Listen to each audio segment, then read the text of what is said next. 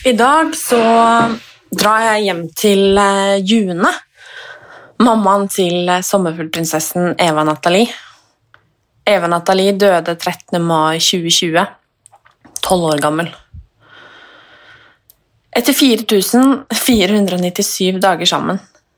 Jeg vet at June har telt dager og elsket å være mamma. Mamma til Eva Nathalie. Eva ble født med den sjeldne genfeilen GRIN1, og hun var en av de første i verden som fikk diagnosen. Genfeilen medfører multifunksjonshemning og sterke epilepsianfall.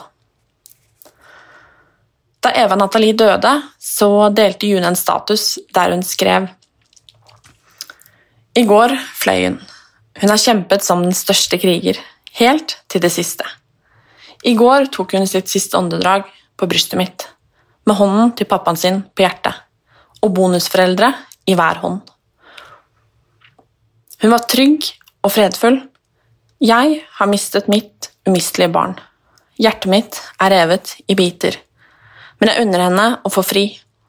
Endelig skal hun få leke med vinden uten begrensninger. Jeg vet hun har satt spor i mange hjerter. I dag er jeg invitert hjem i den nye leiligheten til June, der hun bor med kjæresten sin og hans to døtre. Jeg må ærlig innrømme at eh, jeg er veldig spent. Og jeg lurer sånn på hvordan man, man klarer å stå i noe sånt. Hvordan man overlever, hvordan man går videre. Hvordan livet er og blir etter Sommerfuglprinsessen.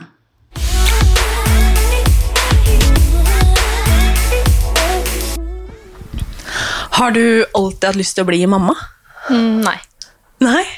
Um, tenkte egentlig at uh, jeg ikke hadde lyst til å få egne barn en periode.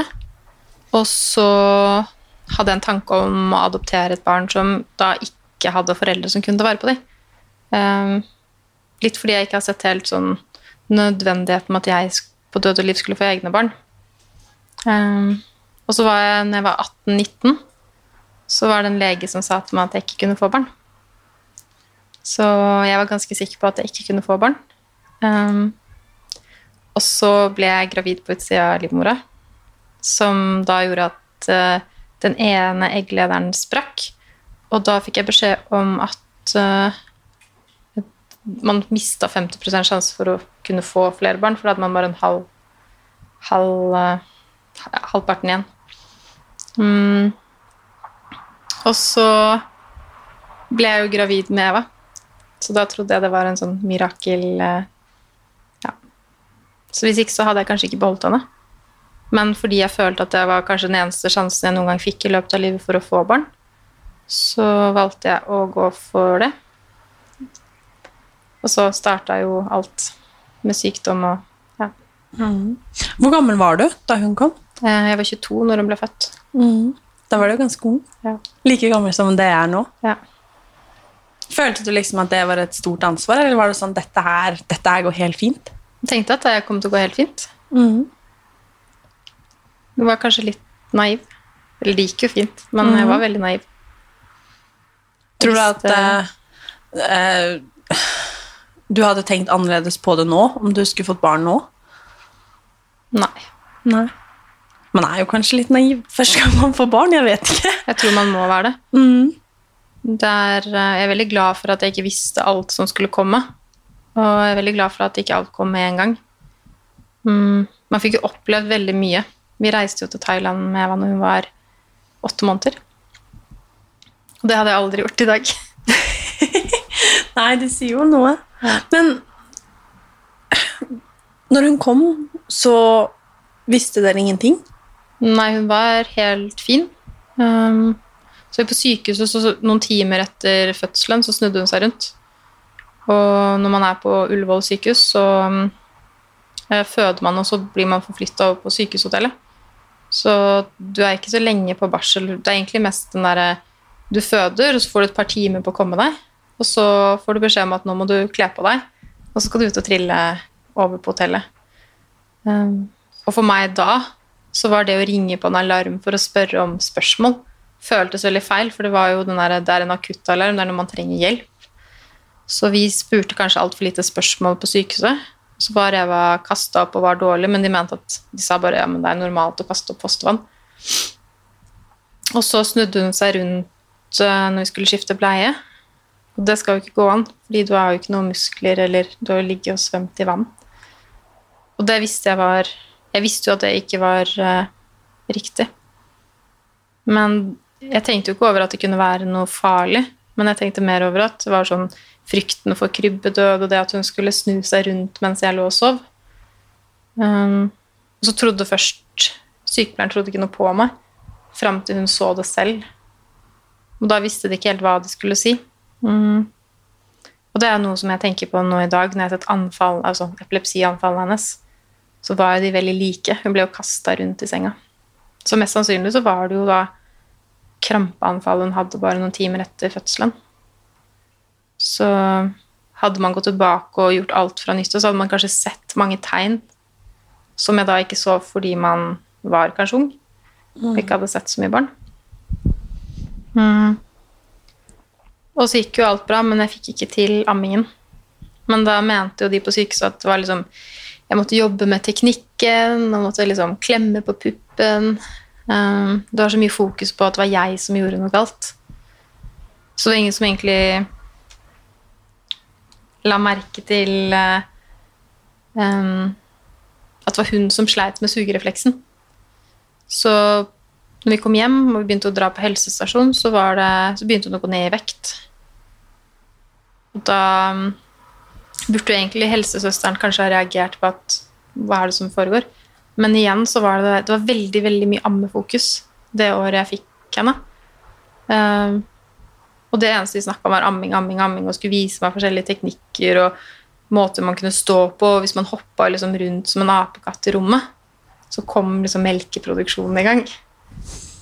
Men det var ikke noe galt med Eva. Mm.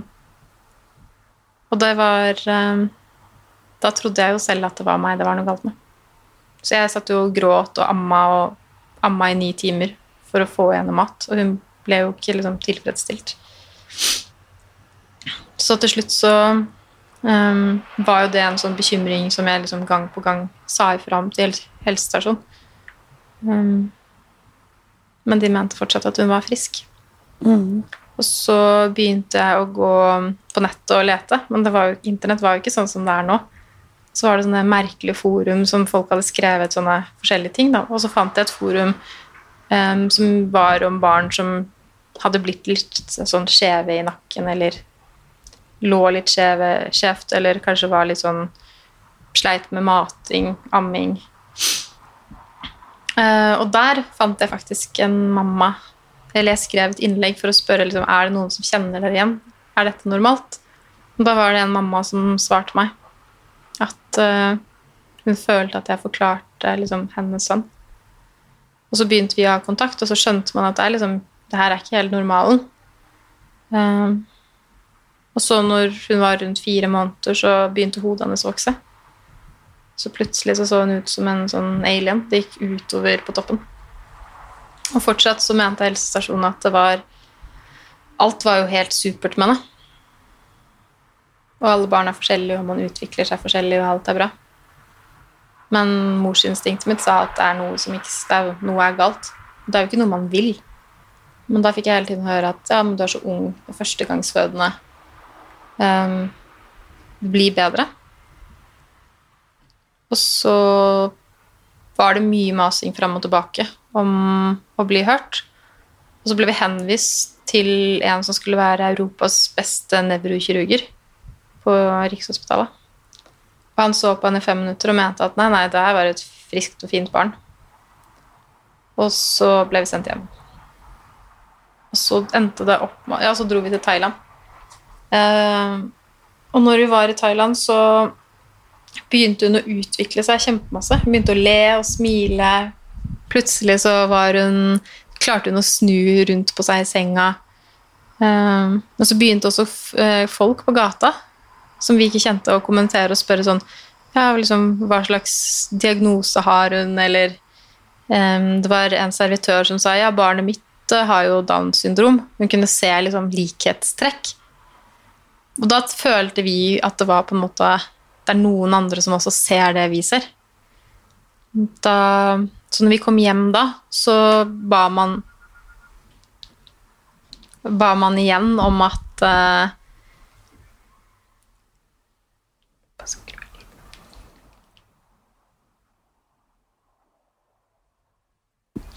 ba om, om ny utredning. Og så dro vi eh, da på legevakta. Fordi det var noe som var alvorlig galt, og hun gråt og gråt og gråt. Og så tenkte man det her kan man ikke stå i Jeg hadde jo begynt å gi henne morsmelkerstatning og gitt opp hele ammingen. Eh, så hun begynte å legge på seg. Og så kom vi inn på Ullevål, og da satte all utredning alt i gang. Så da ble vi værende der i en og en halv måned, tror jeg det var. Og da fikk jeg for første gang beskjed om at eh, hun var alvorlig syk. Og mest sannsynlig så var hun så syk at eh, det var ikke sikkert at hun kom til å liksom bli, bli eldre enn syv år. Så det var den første Unnskyld.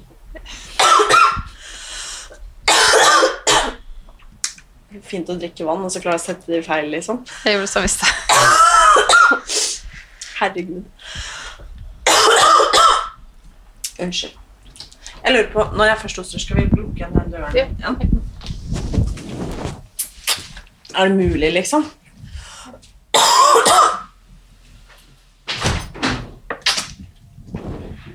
Sorry. My bad. Da fortsetter vi. Ja. Bare se at jeg skrudde av lyden.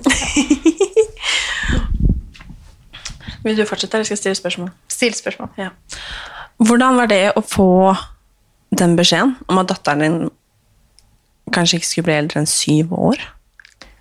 Det var et sjokk, samtidig som jeg ikke tror at jeg helt forsto hva det innebar. Mm, Jeg var veldig glad for at noen endelig trodde oss, fordi det var åtte måneder som man hadde kjempa, kjempa, kjempa for å bli hørt. Og det føltes så absurd fordi man Det siste man ville, var jo å ha et barn som var sykt. Men det føltes nesten ut som at man var den derre eh, At man nesten drev og fant på ting. Så det å endelig på en måte bli trodd og hørt og sett, det var lettende, samtidig som man fikk et sjokk. Um, så rett etter at vi fikk den beskjeden, så klarte ikke jeg å være på sykehuset. Så jeg tok eh, bussen og dro på jobb. Fordi jeg trengte å bare komme helt ut av ja. Hvordan var det, eller er det, å nettopp ha blitt mamma, og så eh, kanskje ikke har vært så mye på sykehus før, og så blir på en måte den nye hverdagen på sykehuset? Det føltes ut som at man mista det barnet man fikk. Det var som at det barnet man hadde mm, lagd seg i hodet.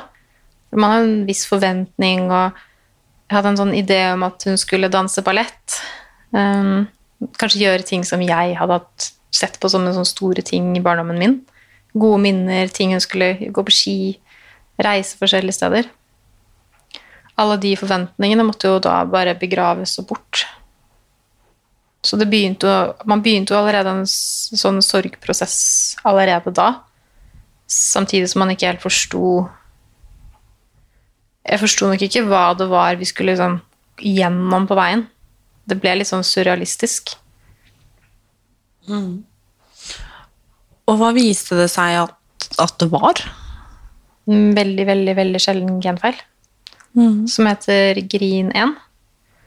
Eh, og da vi fikk den, var vel kanskje jeg var fem år. Så det tok fem år, cirka fem år før vi fikk diagnosen. Og jeg egentlig forsto hvorfor hun var så syk som hun var. Så mm, Og de begynte jo med mye utredning når vi var på sykehuset da, men alt de tok prøver av, kom tilbake som Altså, alt var bra, men det var noe feil. Um, så mm, når, ja, vi ble med i et sånt forskningsprosjekt som Ullevål hadde. Der de skulle ta mine gener, pappaen sine og da Eva Nathalie sine. Og så kjørte man de litt sånn opp mot hverandre. Og så lette man da etter avvik som hun hadde, som kanskje ikke vi hadde. Mm, og så så man da at det var sånn Ja, her fant vi Vi fant en genfeil, men de kunne ikke si noen ting om den. Fordi det var kun skrevet om det i litteraturen to ganger. Så man visste om to tilfeller i hele verden. Um, og de to tilfellene som man visste om, de var veldig ulike fra hvordan Eva var. Så de, kunne, de sa vi har funnet en genfeil, men det er ikke sikkert at genfeilen er grunnen til at hun er som hun er. Det var det vi fikk beskjed om. Så da ble det litt sånn man prøvde å søke på nettet og finne ut av det, men det var ingenting.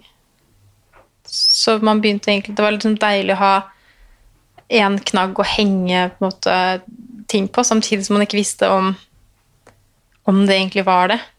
Eller om det kom til å dukke opp noe annet senere. Mm. Men det var jo den genfeilen. Og nå fins det jo kanskje 100 barn rundt omkring i verden som ikke bare er barn, men det er jo den eldste jeg vet om, er vel 35, tror jeg. Så det er eh, Men de har veldig mye like utfordringer. Hvordan Du sa det jo litt, men man har jo liksom et bilde av hvordan livet skal bli, da. Mm. Liksom Nei, som du sa, barnet mitt skal drive med dette, dette skal vi gjøre, hit skal vi reise. Man har liksom et, et bilde av ja, hvordan dette barnet skal bli. Mm. Hvordan, hvordan føltes det som mamma å ikke verken kunne gjøre det for seg selv eller for dette barnet? Det har jo vært um, Jeg tror kanskje hver gang man har innsett uh, begrensningene man har hatt, og de tingene som skulle ha kommet, så har man fått en ny knekk. Den første skoledag var helt grusom. Når man så alle de andre førsteklassingene løpe rundt med sekkene sine og glede seg til første skoledagen og lekser og alt det som skulle komme med skole, så ble man liksom den som trilla inn i rullestol i bakgården og forsvant inn i et klasserom der det var helt andre forventninger. Og jeg tror for hver gang man har liksom møtt de eh, milepælene, er det det heter, så mm. tror jeg kanskje man har fått et sånn slag i ansiktet. En liten sånn knekk. Men så kommer man seg jo fort opp igjen. For det fins jo så Altså, det er mye begrensninger, men man må bare finne ut hvordan man skal um, prøve å gjøre det på best mulig måte, eller finne nye måter å gjøre det på. Og det har man jo klart veldig mange ganger. Og hun hadde jo stort sett bare gode sider. Altså, hun var jo en god person. Og så var hun morsom og elska mennesker. Så det var jo veldig lett. Hun var jo en lett person å ha med å gjøre. Mm. Det var jo min egen sorg som ikke hun følte på. Mest sannsynlig. Mm. Hvordan forhold fikk dere? Vi hadde et veldig nært forhold. Vi ble jo som sånn én person. Vi sov sammen hver natt. Gjorde nesten alt sammen hele tiden. Fram til hun var litt eldre og fikk nattevakter. Så var det jo bare nesten meg og henne. Var det noen gang ensomt? Ja, ofte ensomt. Mm.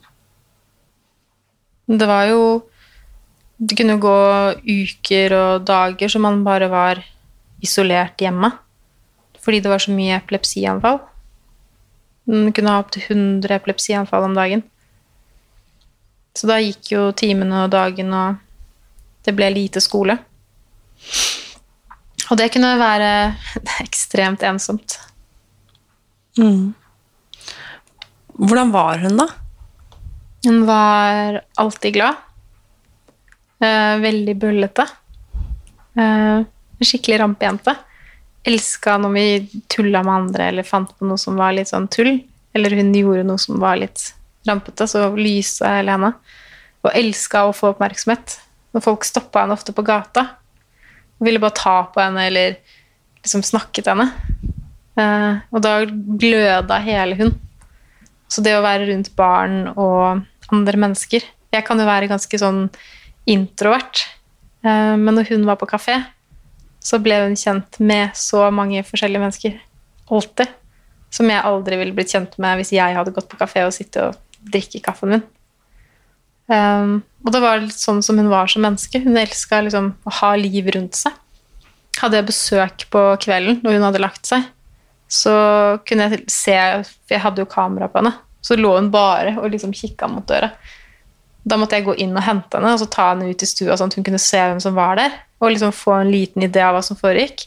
Og så sånn, kunne hun sykke og bare ah, Ok, greit. og så kunne jeg gå og legge henne, og så sovna hun. Mm.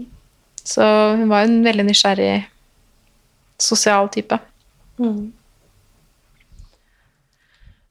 Men for denne Grini 1 Grin 1. Grin 1? Mm. Ok.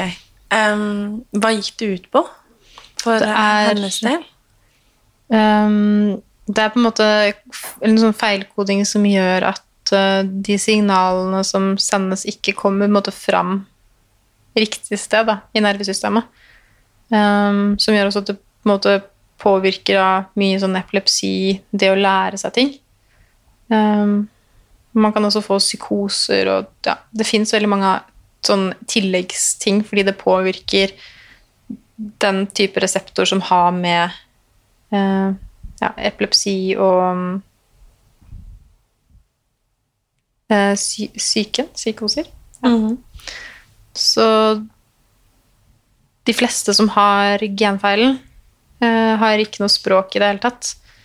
Eh, veldig mange sliter med veldig komplisert epilepsi som de ikke klarer å medisinere. Og så har man eh, veldig få som kan gå selv. Hvordan språk hadde Eva? Eh, hun brukte mye lyder. Det var veldig tydelig å høre at eh, hun var glad eller sint eller misfornøyd. Hun kunne kjefte på meg med på måte, lydene sine. Så det var veldig lett på en måte å forstå henne, eh, fordi jeg kjente henne så godt. Men hun var så tydelig i kroppsspråk og lydene. Mm. Den siste tiden så forsvant jo veldig mye av lydene. De siste tre årene så var det veldig få lyder man hørte. Så da måtte man lese liksom uh, hver eneste bevegelse av øyebryn og øyer og Man måtte hele tiden på en måte prøve å tenke seg hva som kunne være galt.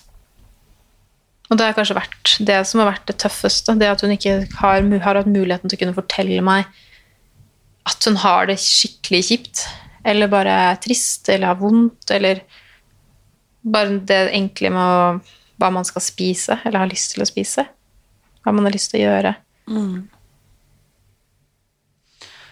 Hvordan forandra livet seg fra å være 22 år bli mamma til å bli mamma til et barn som er alvorlig sykt? Hvordan forandra ditt sosiale liv seg? Hvordan forandra hjemmesituasjonen seg? Hvordan, hvordan, ble liksom livet?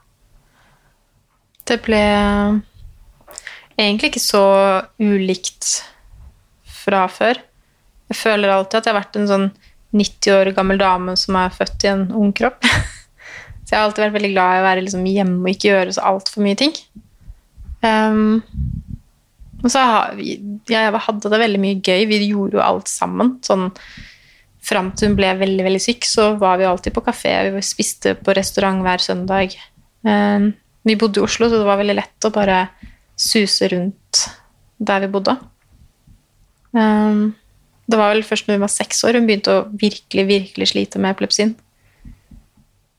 Det var da, og da begynte livet å begrense seg ganske mye. Så da ble man jo eh, mer eller mindre isolert fra omverdenen. Da var man jo mest i leiligheten.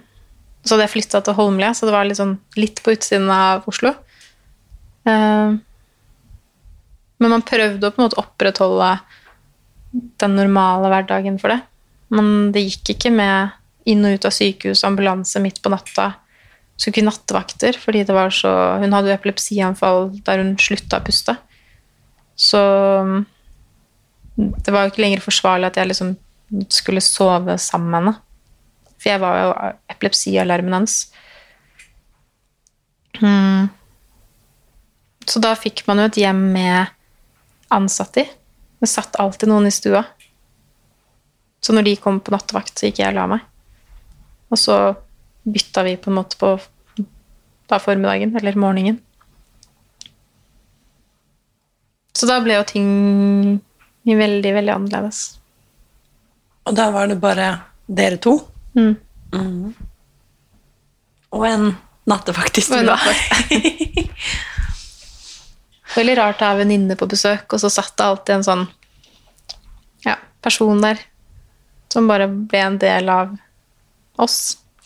Det er kanskje et rart spørsmål, men, men blir man venner?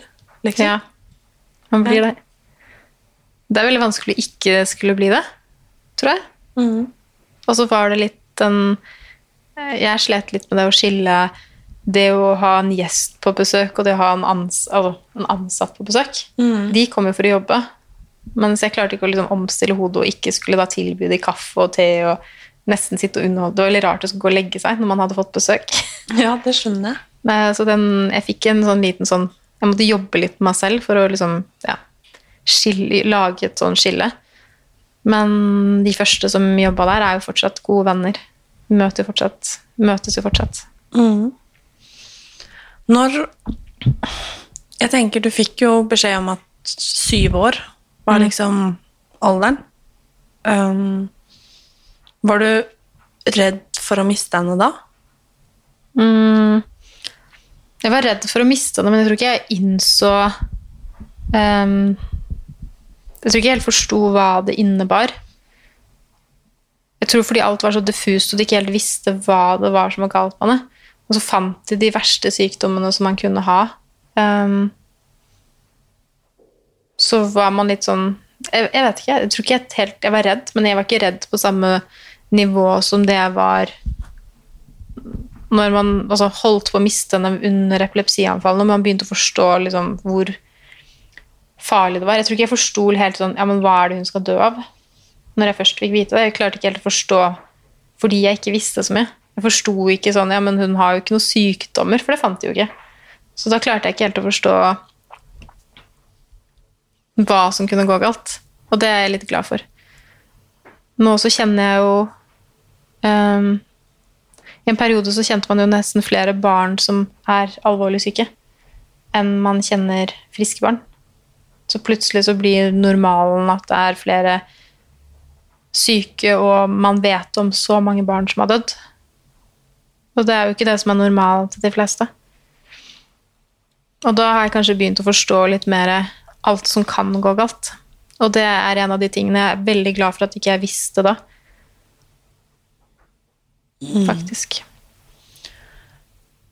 Hvor ofte skjedde det på en måte at du måtte ringe ambulanse, eller at dere trengte liksom akutthjelp?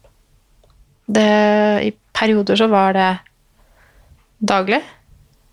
Um, noen ganger så var det sånn at vi eh, ringte ambulanse klokka fire på natta, dro inn på sykehuset, var der et døgn, dro hjem, pakka ut, eh, var et par timer hjemme, og så var det en ny ambulanse og tur rett inn.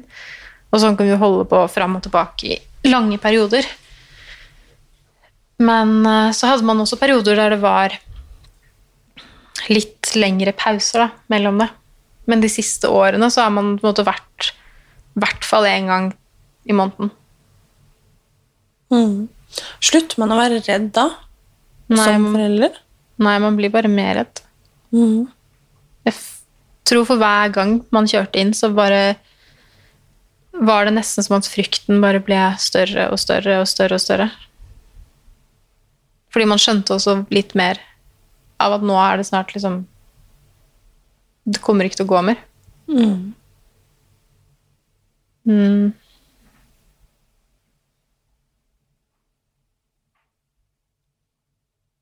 Jeg tror det er um, Og så var det jo Spesielt etter at vi flytta, så visste man jo også det at hun hadde blitt så dårlig at det kunne faktisk skje at man kunne miste henne, hun kunne dø i ambulansen på vei inn til sykehuset. Hvis man valgte å dra inn på sykehuset. For det var jo et valg man hele tiden kunne ta. Mm. Og det var jo Det også endra seg jo veldig mye fordi man visste da at når man ble henta av ambulansen, så var det ikke noe Det var ikke så mye mer de kunne gjøre på sykehuset. Mens når vi bodde i Oslo, så var det fortsatt den Man ble henta ambulansen, man skulle inn på sykehuset, og så kunne de på sykehuset på en måte fikse situasjonen, da. Men siden behandlingstilbudet ble veldig endra når vi flytta, så visste man at hver tur kunne være den siste. Til Holmlia? Nei, nei til Larvik. Til Larvik. Ja. Fikk du noen gang liksom Eller slappa det noen gang av? Nei. Nei. Jeg gjorde ikke det. Jeg tror hver eneste celle i kroppen var sånn konstant i beredskap. Mm. Til og med når man på en måte sov, så var liksom kroppen helt anspent. Mm. Hvordan var det liksom på et tidspunkt så ble jo du singel, og det ble dere to. Um, og det er jo kanskje ikke akkurat bare bare å skulle treffe noen ny når man har et barn som er så sykt. Nei. Hvordan, hvordan gikk det seg til? Mm. Man har jo prøvd og feila litt på veien. Mm. Og så var det egentlig helt sånn tilfeldig um, at vi begynte å snakke sammen. For det var ikke noe sånn Jeg hadde noe stor plan om å etablere meg noe særlig da. Og jeg hadde akkurat kjøpt den nye leiligheten min i Larvik. Og tenkte at det var Det er sånn, Larvik du er fra? ja, hele Stavern. Ja. Um, og så, for vi flytta jo hjem til uh, mamma og pappa i 2017. Um, og det var da Eva ble kjempedårlig, så hun fikk et epilepsianfall som de ikke klarte å stoppe. Så de trodde i utgangspunktet at hun ikke kom til å våkne opp av epilepsianfallet. Um, så vi fikk da beskjed om å um, komme og si Altså si fra til alle i familien at nå må dere komme og si ha det til henne. Så det var kanskje 150 forskjellige mennesker innom på Ullevål for å si ha det til, til henne. Um, så når de kobla av respiratoren, så trodde de at nå, da kom hun ikke til å puste mer. Men hun ville det jo helt annerledes. Og da var jeg veldig bestemt på at jeg kan ikke sitte alene i Oslo mer. Jeg er nødt til å være nærmere familien min. Og så var det litt den derre det å gå turer mm, Hvor viktig det var å liksom bare leve i hvert eneste sekund man hadde igjen. Så da flytta vi til Stavern. Bodde hos foreldrene mine. Og etter da to og et halvt år, så bestemte jeg to år, så bestemte jeg meg for å kjøpe For da hadde jeg solgt min leilighet, og så tenkte jeg ok, nå må jeg bare kjøpe et sted, og så begynne For jeg hadde ikke turt å hadde ikke turt å kjøpe eller gjøre noen store valg, for jeg trodde jo hele tiden at hver dag skulle være den siste. Men så begynte man å kjenne at ok, nå må man prøve å liksom lande litt, og så bare prøve å bo. Og rekker man ikke, så rekker man ikke, men da har vi i hvert fall prøvd. Og da kjøpte jeg den nye leiligheten som lå nede på brygga. Um, og da Det var da jeg begynte å snakke med Jon Christian, da.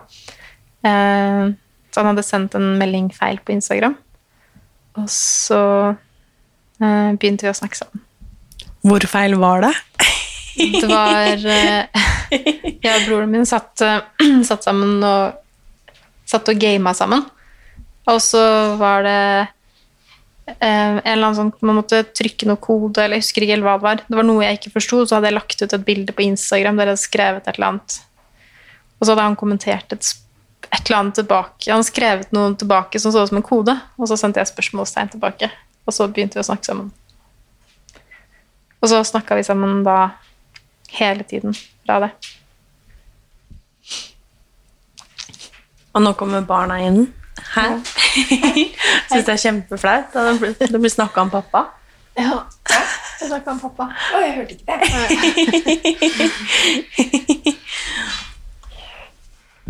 Du har vært på butikken. Ja. Mm. Var dere på bakeren? ja. Det hørtes godt ut. Kjøpte en sjokolade, skulle det være. Så godt, da. Bare putt det i kjøleskapet, så vi ikke glemmer det ute. Ja. Har dere lyst til å sitte litt på rommet? Er jeg kjip hvis jeg sier det? Eller spør om det. Dere må gjøre lekser ferdig.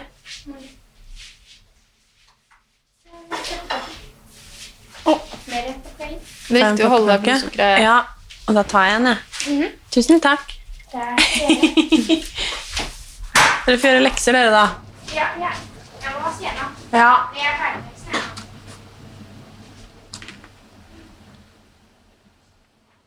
Aldri ferdig med pepperkake. Det er så rart, fordi man eh, glemmer litt hvor julete det smaker. Mm. Helt fram til man åpner esken, og så kommer lukta imot, og så blir det sånn julestemning nesten. Jeg er helt enig. Jeg lurer liksom på om pepperkaker har smakt like godt i juli. liksom. Jeg tror jo kanskje ikke det. Jeg synes, egentlig så syns jeg egentlig ikke pepperkaker er så godt. Jeg tenker jo sånn, Er det her noe egentlig sånn, tenker sånn, mm, det er godt? Men det er mer den vanen, tradisjonen. Det er sant, faktisk. Fordi det, min det minner deg jo om, om jula, liksom. Mm. Hm. Godt er det i hvert fall. Ja.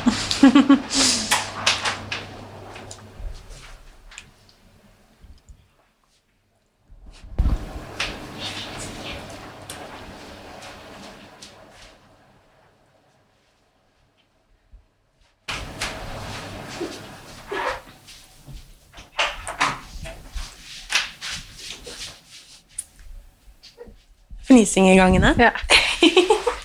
Men få høre. Um, dere begynte å snakke sammen. Mm. Og hvor gikk liksom Hvordan fortsatte det? Det- Vi snakka sammen en stund, og så eh, kom vi til et sånt punkt der man skjønte at man kanskje likte hverandre litt bedre enn bare å skrive sammen på Instagram. For hvem er det som snakker så mye på Instagram hvis ikke det er noe mer? Eh, så vi bestemte oss for at hvis vi skal fortsette å snakke så mye, så må vi nesten bare møtes for å finne ut om man er det her liksom vits i å fortsette med. Eh, Så møttes vi, og da var jeg, før vi skulle møtes, så var jeg litt sånn Er jeg helt sprø nå? Hvem er det som drar og møter en helt random person på Instagram? Det kan jo være hvem som helst. Um, han hadde ganske sånn Han hadde skjult profil, samtidig som han er ikke veldig aktiv på Instagram, så jeg skjønner ikke helt hva det var jeg liksom tenkte var greit med det i begynnelsen. Jeg skjønner, jeg skjønner ikke helt hva var det jeg likte, liksom Hva gjorde han eller sa som gjorde at jeg ble liksom så interessert? Um, når jeg leser meldingene, så jeg skjønner på en måte ikke helt hva det var som Det var bare noe. Det må være den derre X-faktoren. eh. Men når vi skulle møtes, så var det litt sånn eh, Ja, hvor skal man møtes, og hvor møter man en person som kan være hvem som helst? Da bodde jo vi Vi hadde flytta ut fra mamma og pappa. Vi bodde jo på stua til mamma og pappa med sykepleiere og ja, full bemanning døgnet rundt. Så det ble litt heavy. Så vi flytta inn i en sånn omsorgsbolig på et sykehjem. Eh, Så vi bodde der sammen med de eldre. Um, så tenkte jeg det er jo faktisk ikke hadde, Skulle jeg møte han på gata et sted, så ville det jo ikke vært Folk ville jo ikke skjønt hvis jeg hadde, hvis jeg hadde vært en farlig person. Jeg kunne blitt kidnappa. Men på sykehjemmet så kunne, hadde man jo sånn her eh, alarm. Sånn eh, ja, Hvis du faller om på badegulvet eller noe, så kan du ringe på hjemmesykepleieren. Så jeg sånn, Det kan ikke bli så mye tryggere. Pluss at jeg hadde ansatte på jobb eh, som syntes det her var kjempespennende. Så vi møttes første gang da på sykehjemmet. Det var liksom sånn Hei, vil du komme på date med meg, liksom? På, på sykehjemmet. Ja. Så han må jo ha vært litt rar for å på en måte bli interessert, han òg. Visste han da Ja, han visste alt. Han visste alt. Men han hadde også fulgt med litt på, på Løvemammaene og på Instagram. Så han visste jo ganske mye av, av liksom, ja, noe av de tingene som Mm. Var det en trygghet at han visste? Ja. Du liksom slapp å fortelle det på en måte selv? Mm, Mm. veldig trygghet. Mm. Hvor lenge siden er dette nå? Det er snart to år siden. Mm. Og han hadde med seg to barn Mm. inn i forholdet. For dere blei jo kjærester. Ja. det er utrolig nok, at dere har tatt dem med til gamlehjemmet. Ja, det var eh, Det har vært en spesiell reise. Altså, man tenker to år er ikke så lenge, men det har skjedd så vanvittig mye på to år, da, så har jeg både kjøpt og solgt og kjøpt igjen. Eh, og flytta Blir det tre ganger? Mm. Ja, tre ganger. Men hvordan var det at han hadde med seg to barn eh, på ganske lik alder, eh, og du hadde med deg et som var alvorlig sykt? Det var eh, veldig, veldig, veldig fint for eh, Eva Nathalie. Hun elska jo å være sammen med jentene. De var jo kjempe, kjempeflinke med henne fra dag én. Det forklarte litt mye om Eller han hadde snakka mye med dem om situasjonen med Eva, at det er mye utstyr, medisiner, eh, at hun ikke kan snakke. Men fra liksom første sekund så var de helt sånn De var helt naturlige med det. Holdt henne i hånda og snakka til henne som, selv om man ikke fikk noe svar. Men Det er kanskje sånn barn er. Lettere enn kanskje voksne. Voksne snakka jo ofte ikke til henne. Fordi man er redd for å, man er redd for ikke få svar, tror jeg. Eller man vet ikke hvordan man skal forholde seg når noen ikke svarer deg. Mm. Så hun hadde jo mista Eller det er i hvert fall det jeg føler, da. At hun mista livsmotivasjonen det siste Siste året, tror jeg det blir. At de siste to årene. Hvordan blir det? Ja, uansett så var det Vi hadde mye møte på sykehuset, og det var eh, Hun ble litt sånn dyster og var ikke helt seg selv. Hun klarte ikke å sitte oppe i stol mer. Mista flere og flere ferdigheter. Ting gikk på en måte hele tiden nedover. Um, og så flytta vi til den nye leiligheten, som det var så lett å gå tur og komme seg ut. Og, og på det tidspunktet så var det sånn at vi hadde fått Hun klarte ikke å sitte i rullestolen sin mer, så hun lå kun i en seng. Vi hadde fått tak i en sånn rulleseng som man kunne rulle rundt med på stranda. Eh, og så begynte jo jentene å være der, var der hele par uker på sommeren, to-tre uker. Og i løpet av den tiden så ble hun liksom gradvis sterkere og sterkere og strakk seg liksom mer mot de. Eh, Så var det vel utover høsten som de var på besøk, og da begynte hun å lage lyder når de satt og skravla. Og så prøvde vi å ha han oppe i rullestolen, og plutselig så klarte hun å sitte der så lenge hun satt sammen med de. Eh, Og når vi sa at de skulle komme på besøk, så var hun, klarte hun på en måte Hun fikk på en måte livsgleden tilbake. Så det har jo vært en av de største gavene som vi fikk den siste tiden. Jeg kunne bare ønske at det hadde vært sånn mye tidligere, men det var veldig fint at det ble sånn. Hva er det fineste dere liksom gjorde sammen? Oss alle, eller Ja, eller du og Eva Nathalie? gå tur ved vannet, ligge og kose i senga. Noe av det som jeg syntes var liksom det beste som fantes, var bare det å våkne opp ved siden av henne. Og det gjorde jeg jo ikke de siste årene pga. nattevakter og Det var det å være sammen. Ligge inntil hverandre. Mm. For når begynte den å bli sånn skikkelig dårlig? Det var eh, Det var når hun var seks år. For da kom Det var da hun begynte Hun hadde hatt epilepsianfall før det, men det var, de var ikke så alvorlige. Um, så hadde hun jo veldig veldig store sånn, søvnproblemer, så hun kunne være våken i fem døgn i strekk. Um, men utenom det så var det, sånn, det var liksom hovedproblemet. Det var at hun var våken hele natta.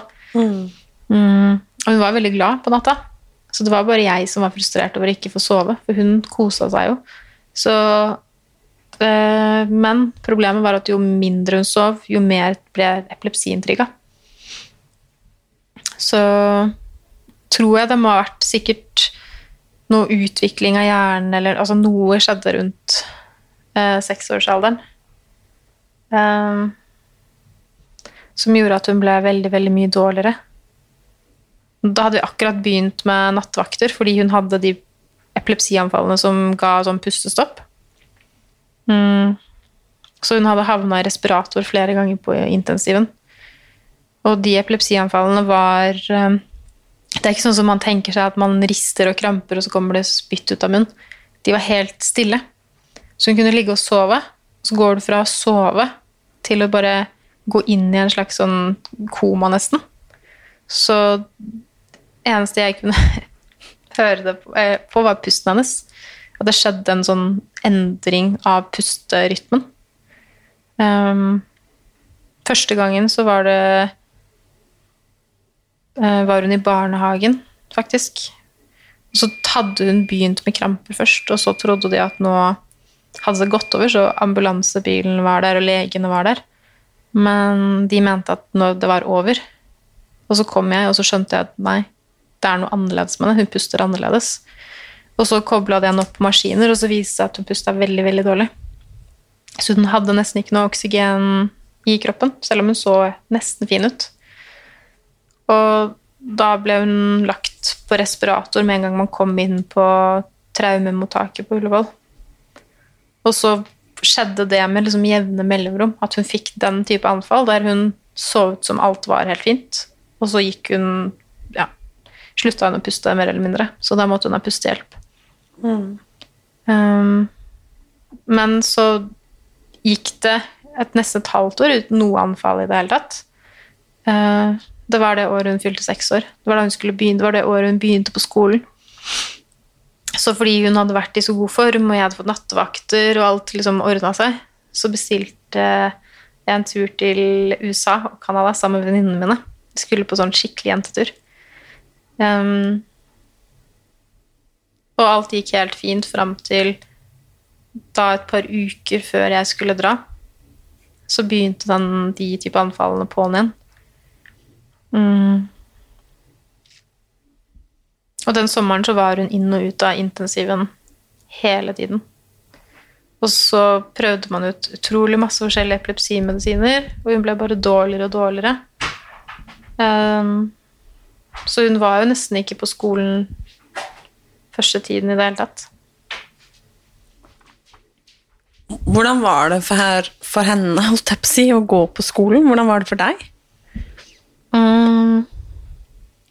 Det var jo en slags uh, pustepause et par timer, sånn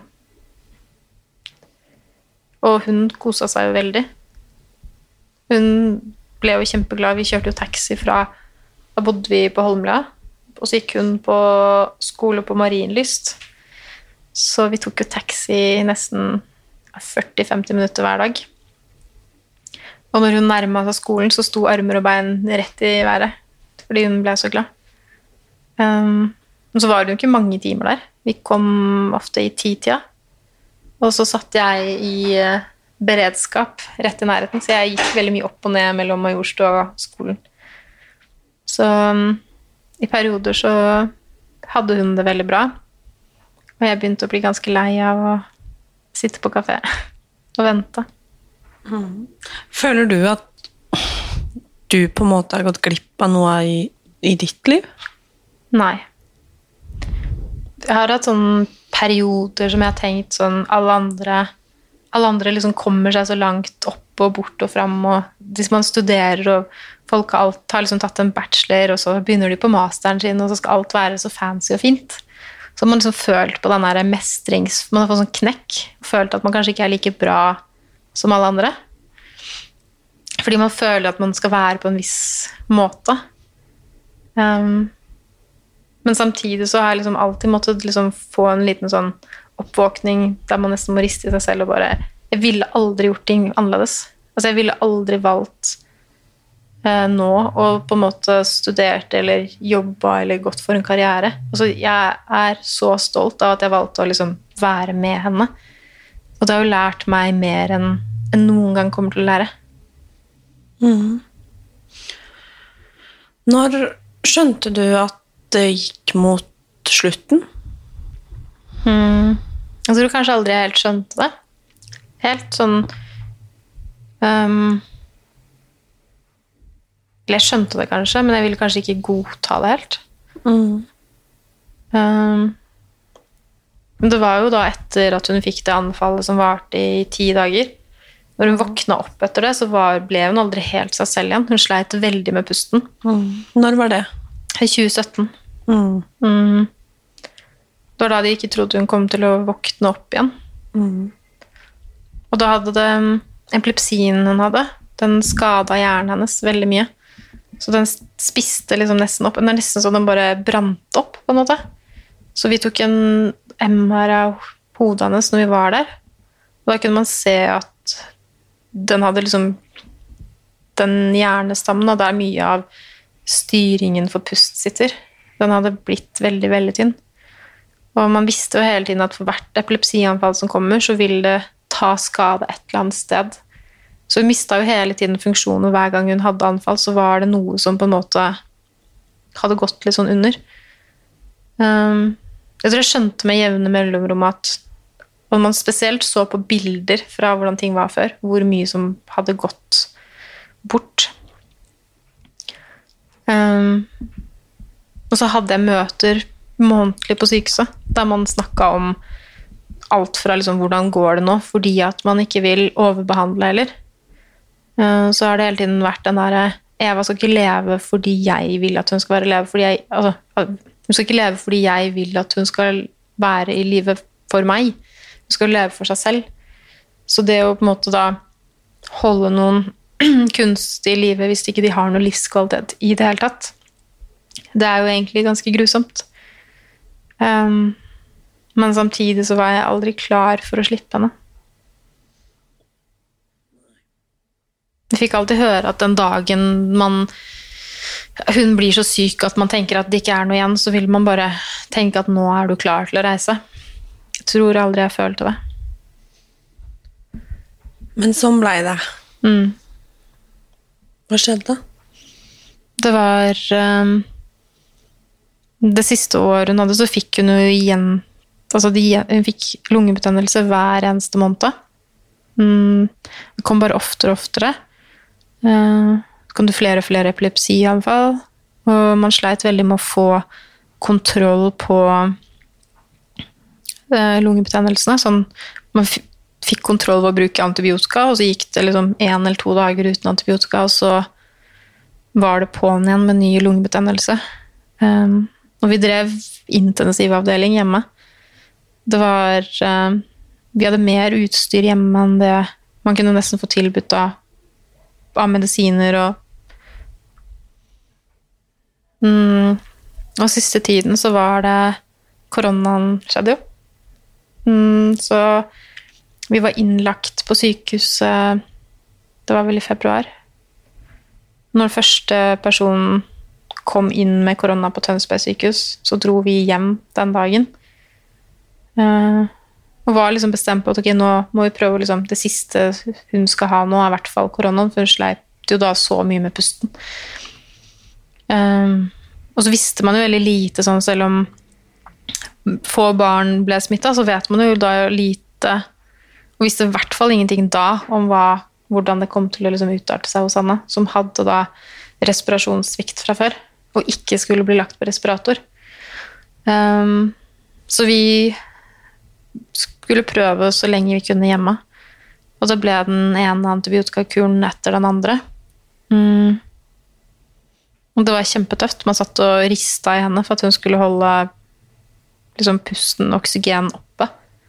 For med en gang hun lå stille i ett til to minutter, så bare peip det i alle maskiner. Mm. Og så begynte det å bli utfordringer med alle de som jobba. Fordi det var flere som havna i karantene. Det var egentlig litt sånn kaos. Så plutselig så sto jo vi uten nattevakter. Og eventuelt så kunne det hende at vi fikk ukjente nattevakter, som ikke da visste hva de skulle gjøre.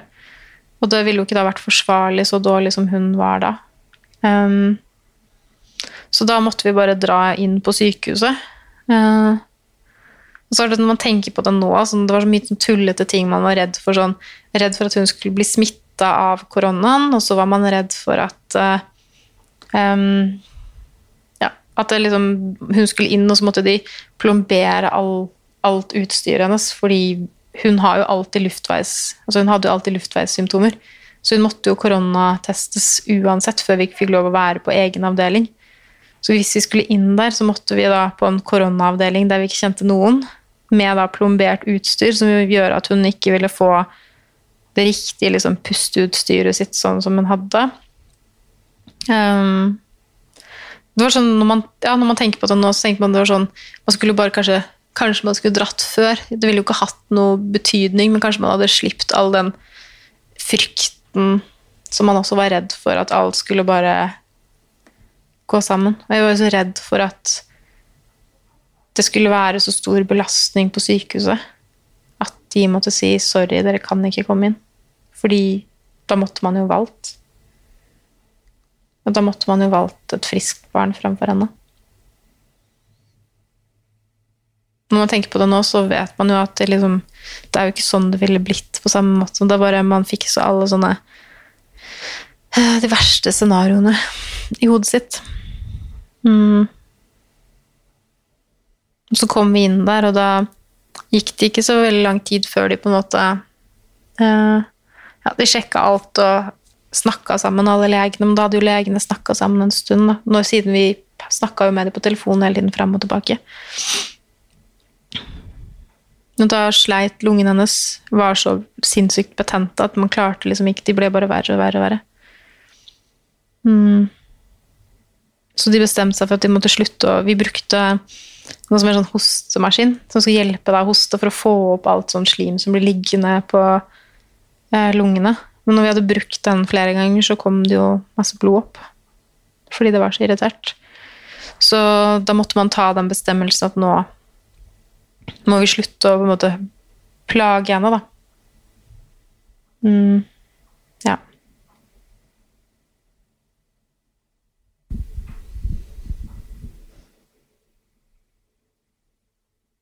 Og dette var i mai?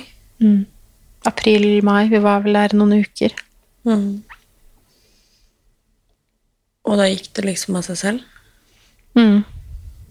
De, eller man kutta ut um, um, At det var liksom alle de maskinene, da. Og så hadde vi jo Den siste måneden så hadde hun så mye prosedyrer og medisiner. Så det var noe som skjedde nesten hvert minutt gjennom hele Altså det var fire eller seks av fire sider med bare lister av ting som måtte gjøres hele tiden. For at hun skulle på en måte klare å puste og klare å være der sammen med oss. Mm. Så Det er kanskje den tøffeste sånn Det å liksom godta at det er sånn. Eller si liksom Jeg hører hva du sier, det er liksom um, Men godta det, og ikke liksom hyle og skrike og si 'nei, det her det er liksom ikke riktig'. Det føltes helt grusomt ut. Mm. Skjønte du da at hun kom til å dø? Ja. Mm, jeg bare trodde det skulle ta som, Jeg trodde det kom til å ta mye lengre tid. Mm. Jeg trodde at når vi slutta med de type behandlingene som plaga henne, så kom det til å kanskje ta måneder, trodde jeg. Det gikk egentlig veldig fort. Det var Jeg hadde jo planer om å dra hjem etter at vi hadde på en måte endra medisineringen og hun skulle få smertestillende og sånn. For hun begynte jo å få veldig mye smerter, så vi skjønte ikke helt hvor det kom fra. Men det var jo liksom sikkert da lungene som var så vonde. Mm. Så jeg trodde at vi skulle bare pakke sammen alt og dra hjem til helgen, da, og så være hjemme en stund. Jeg hadde ingen idé om at vi liksom ikke kom til å dra hjem den helgen, og at det bare var noen dager. liksom. Det var snakk om en uke, da. Fra jeg liksom kanskje skjønte at nå går det den veien. Mm.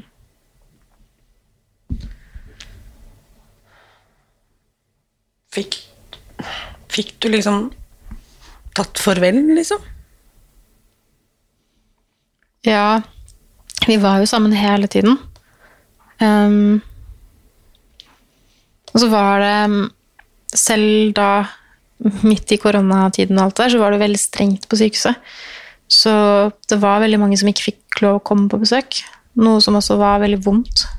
Um, jeg syntes det var vondt for at Eva ikke skulle få se det igjen. Og at ikke de skulle få lov liksom, få muligheten til å si ha det. Mm. Men vi fikk lov å ha nærmeste familie. Og så ble det sånn um, To og to som fikk lov å være inne på rommet av gangen. Bytta de, de flytta oss på et eget rom, eh, der vi hadde verandadører ut mot hagen. Så hvis man skulle gå gjennom sykehuset, så hadde jo ikke det gått, for der blir du jo stoppa av eh, eh, vektere. Og så slippes du slipper jo ikke inn. Så av at det var en veldig veldig spesiell situasjon, så klarte sykehuset å gjøre alt de kunne for at det skulle bli så verdig som det liksom kunne bli. Um, og vi var jo der Vi var jo fire stykker der. holdt på å si. Det var jo meg og Jon Christian og pappaen og kjæresten hans. Og egentlig så får man jo bare lov å ha en av foreldrene på sykehuset. Men da så var vi fire stykker der hele tiden. Så vi var på en måte aldri alene, alene på rommet sånn sett. Hun hadde jo ansatte òg, men eh, ja. Hvordan Hvordan tar man noe sånn? Jeg tror det er veldig, veldig forskjellig. Jeg tror eh, For meg så var det nesten sånn ehm, det var, Fordi man har tre år til å tenke på det, så har jeg vært veldig opptatt av at eh, Eva skal ikke føle på at jeg er redd, eller at jeg um, At jeg liksom ikke vil at hun skal dra. Jeg har vært så redd for at hun skulle holde igjen fordi det var jeg som ikke var klar. Um, jeg så en sånn animasjonsfilm på Facebook for mange, mange, mange år siden.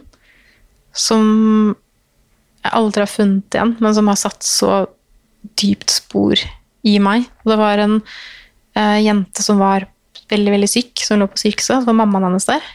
Um, og så drev hun hele tiden og liksom eh, drifta mellom liv og død. Der døden for henne var på en måte et paradis eller en sånn drømmeverden. Der ting ikke var Det var ikke smerter mer, det var ingen frykt. Var ingen, alt var bare sånn vakkert og fint, og blomster og liksom Og så drev hun hele tiden og liksom ville dit, fordi da fikk hun det bra. Og så var det mammaen som hele tiden ikke ville slippe, fordi hun ville at ja, men bare prøv ny pustemaskin, bare prøv mer oksygen, bare prøv flere medisin, bare prøv, bare prøv. Fordi man ikke vil, man vil ikke gi slipp. Fordi det gjør så vondt. Og den filmen har alltid sittet som en sånn bakgrunnsgreie at det, liksom, det skal ikke handle om meg. Um, selv om jeg har liksom kjent at liksom, hele kroppen har bare vibrert og rista, så var det litt sånn inne på rommet til var så skal, det skulle liksom være greit å vise følelser, fordi det er bra. Alle har følelser, det skulle føles unaturlig hvis hun var lei seg at det skulle være galt. Men det skulle ikke være sånn at det skulle føles ut som en sånn dyster plass, for det kan jo fort bli det når alle er i sorg. Det skal, skulle på en måte være en sånn mm, feiring av livet og reisen videre. Så vi prøvde alt vi kunne, selv om hver gang man gikk ut fra rommet, så var det nesten som man kasta opp, fordi man var så dårlig. Første natta etter at vi hadde hatt møte, møte med legene, så skulle jeg sove på sykehuset. Og da hadde jeg fått et sånn De har jo ikke noe sykehus, det er ikke noe pårørenderom. Så jeg fikk et sånn kontor der de hadde dytta inn en sykehusseng. Mm. Og så fikk jeg fullstendig sånn panikkangst. Jeg, bare, jeg fikk ikke puste i det hele tatt. Og jeg kunne ikke gå ut, fordi det var st var sykehuset var stengt av pga. korona. Jeg kunne ikke gå rundt i gangene, for det var jo vakter som passa på at man ikke gikk der man ikke tilhørte. Eh, og jeg hadde ingen jeg kjente der. Og så kunne jeg ikke gå inn og være med Eva, fordi jeg ville ikke at hun skulle føle på liksom, min panikk. Jeg tror jeg lå og rista hele natta. Altså, jeg skalv. Og kasta opp.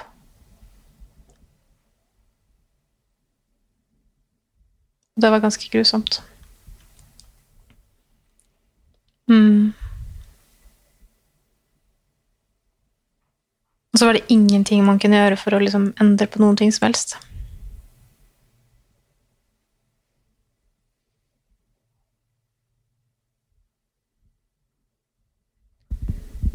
Hvordan har livet liksom vært etter den datoen? Mm. I begynnelsen så føltes det ut som en sånn ekstrem, ekstrem stillhet. Um, jeg tror når man går fra altså Min største frykt i veldig veldig mange år har vært at hun skal dø. Og så har det bare bygd seg opp og bare blitt sterkere og sterkere. Mm. Og jeg var så redd for at hun skulle dø med så mye smerter, at det skulle være en sånn grusom død. En sånn med smerter og skrik og pustevansker og liksom Ja, det bare Det ble veldig rolig, stille, og det ble en veldig, veldig verdig måte å dø på. Hun lå på brystet mitt, og ting var stille og rolig. Hun hadde det bra. Hun hadde alle rundt seg som var de nærmeste. Det var en veldig sånn kontrollert død, hvis man, så man kan klare å få det til.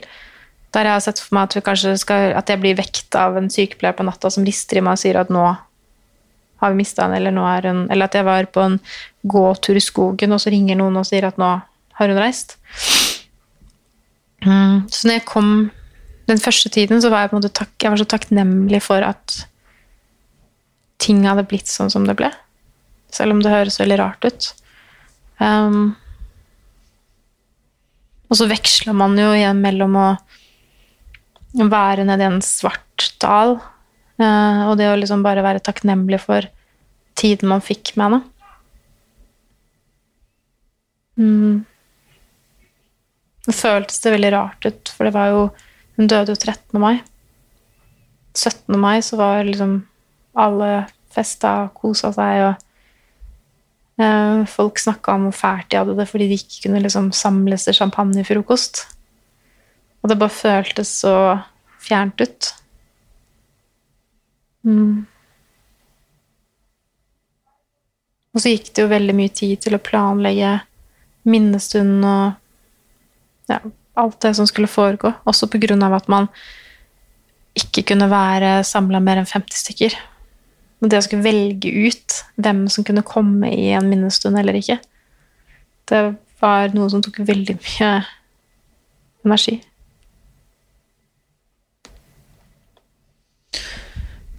Hvordan kom liksom navnet Sommerfuglprinsessen? For det er jo det Hva skal man si? Det er det den ble kalt, holdt jeg på å si. Ja. Det var um, Sommerfugler er jo veldig fine. Um, men så var det noe ganske sånn tidlig i Så snakka vi med en genetiker som fortalte om um, det med at jeg var mest sannsynlig hadde en veldig veldig sjelden genfeil. Uh, og at mest sannsynlig så var den så sjelden at, ikke hadde, at det ikke fantes så mange i verden som hadde den. Uh, og så satt de og snakka om den her, hvor liten den genfeilen er. Den er nesten sånn usynlig, og så påvirker den veldig sånn Den påvirker så mye, da. Hos Eva så hadde man litt sånn Hos noen så kan man ha Alle mennesker har genfeil. Uh, du og jeg har sikkert 100 genfeil. Mm, men det kan være alt fra at man har en føflekk et sted, en flekk på ryggen med litt hår Altså ting som er bare Det har skjedd en eller annen sånn feilkoding, da under svangerskapet, eller uh, Men hos Eva så var den, den bitte, bitte lille genfeilen hun hadde, hadde så Det traff på en måte på et gen som var så viktig. Uh, og da drev jeg og leste mye om sommerfugleffekten. Den er med at en sommerfugl svingerslag lager en tornado på andre siden av jorda. Fordi det er den bitte lille liksom, blafringen som bare sprer seg på enden, så blir det så stort. Og så begynte jeg å kalle henne sommerfuglprinsessa. Mm, og så syns jeg på en måte på veien at det var litt sånn øyevippene hennes har jo alltid vært som sånn sommerfugler. Jeg har alltid beveget øynene Når man ser en sommerfugl som flyr, så er det som å se liksom øyevippene hennes som blafrer rundt. Men ja, de er jo fine. Så De er det. mm. Jeg er enig. Hvordan tror du livet blir nå uten Eva Natalie? Mm. Det er um, Det er det jeg har tenkt mye på, at det vil på en måte aldri være helt uten henne. Fordi hun er den som har satt så store spor i meg. De er så dype. Um, så jeg snakka med så mange om den herre Folk snakker om at det er så mange som sier sånn Ja, når skal du gå videre i sorgen, og når skal man liksom bli, fer eller, bli ferdig? Og så har jeg tenkt sånn, men det er jo ikke et ønske jeg egentlig har. Hun skal jo være liksom med meg hele tiden i liksom ting jeg gjør, og valg jeg tar. Vi er jo en familie på fem. Det vil vi alltid være. Men det er bare hun som ikke er til stede. Og så vil jeg alltid liksom prøve å gjøre og leve litt i hennes ånd. Um, fordi hun har lært meg så mye. Så er det så mye man kan gjøre, selv om koronaen har liksom ja, Det er liksom merkelig tid, for jeg har alltid tenkt at hvis hun, eller når hun dør, så skal jeg reise verden rundt og bare gjøre alt det man ikke kunne gjøre når hun levde, fordi man hadde så mye begrensninger. Og så er det sånn når hun da først reiste, så er det alle begrensningene, og så lever plutselig hele verden sånn som vi har levd i så lang tid. Det er litt rart. Og nå så bor eh, dere sammen Ja. i en ny leilighet. Mm. Og eh, det er jo fortsatt to barn her. ja. Mm. Har du lyst på flere barn? Jeg har um, Både ja og nei. Jeg tror at det er Jeg har blitt ekstremt sånn egoistisk på sånn min egen tid, fordi man har vært så um, Det har vært så mange år som det bare handla om å gi uh, av all sin tid, og alt det man har liksom vært og gjort, har vært en annen person. Men samtidig så skjønner jeg jo det at jeg blir eldre. Og det er litt tilbake til det jeg sa til deg, at jeg liksom følte at jeg var mye eldre enn det jeg var. Så har jeg gått i hodet mitt og tenkt sånn Jeg har jo bare tre år før jeg er 40. Så i, av en eller annen grunn så har jeg fått det for meg at man bare har tre år på seg for å kunne få barn. Um, men det er jo ikke sånn det er, fordi jeg er jo mye yngre enn det. Men så er det jo også Det er jo ikke noen grense som sier at når du er 40, så kan man ikke få barn. Men det har litt den derre um, Man vet jo ikke om man kan få barn. Det er jo én ting. Og så eh, kunne jeg godt ha tenkt meg å blitt fostermor. Fordi det er så mange som trenger en familie. Så når kanskje man har landa litt og fått på en måte begge beina på bakken igjen, så er det noe jeg kommer, vi kommer til å tenke på. Eller vi har snakka mye om det. Men først så blir det litt sånn oss-tid. Tror du Tilbake til det vi snakka om, om liksom gå på ballett, eller om det er fotball eller speideren, eller hva det er, liksom. Disse tingene man har tenkt at man skal. Tror du Eller føltes det som at dette var den fine tiden dere fikk, og det var greit? Eller føles det ut som at dette er urettferdig fordi det er så mange bursdager som aldri kommer, liksom? Det føles greit ut, sånn som situasjonen var med henne. Um, men det har, det har liksom vært kommer sikkert til å komme dager også der jeg tenker at det ikke liksom Der man ikke vil liksom forstå det. Mm, jeg har aldri følt at det har vært urettferdig. Fordi jeg har alltid tenkt at det er liksom Jeg har aldri følt at det er noe som noen andre burde oppleve.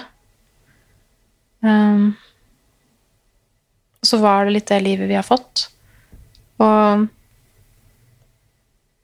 hun hadde så mange liksom, bra år, samtidig som hun sleit så mye i mellomtiden. Så var det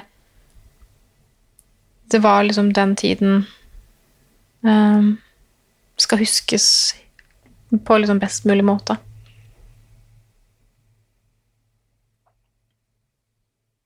Jeg var veldig heldig som fikk bli kjent med henne. Man vet jo aldri hvor lenge man har, har de menneskene man er glad i, rundt seg. Mm. Og jeg er veldig takknemlig jeg fikk de tre årene ekstra, på en måte. Der man kunne gjøre alt for å leve som om det var den siste hele tiden. Hva er det viktigste du har lært? Å leve.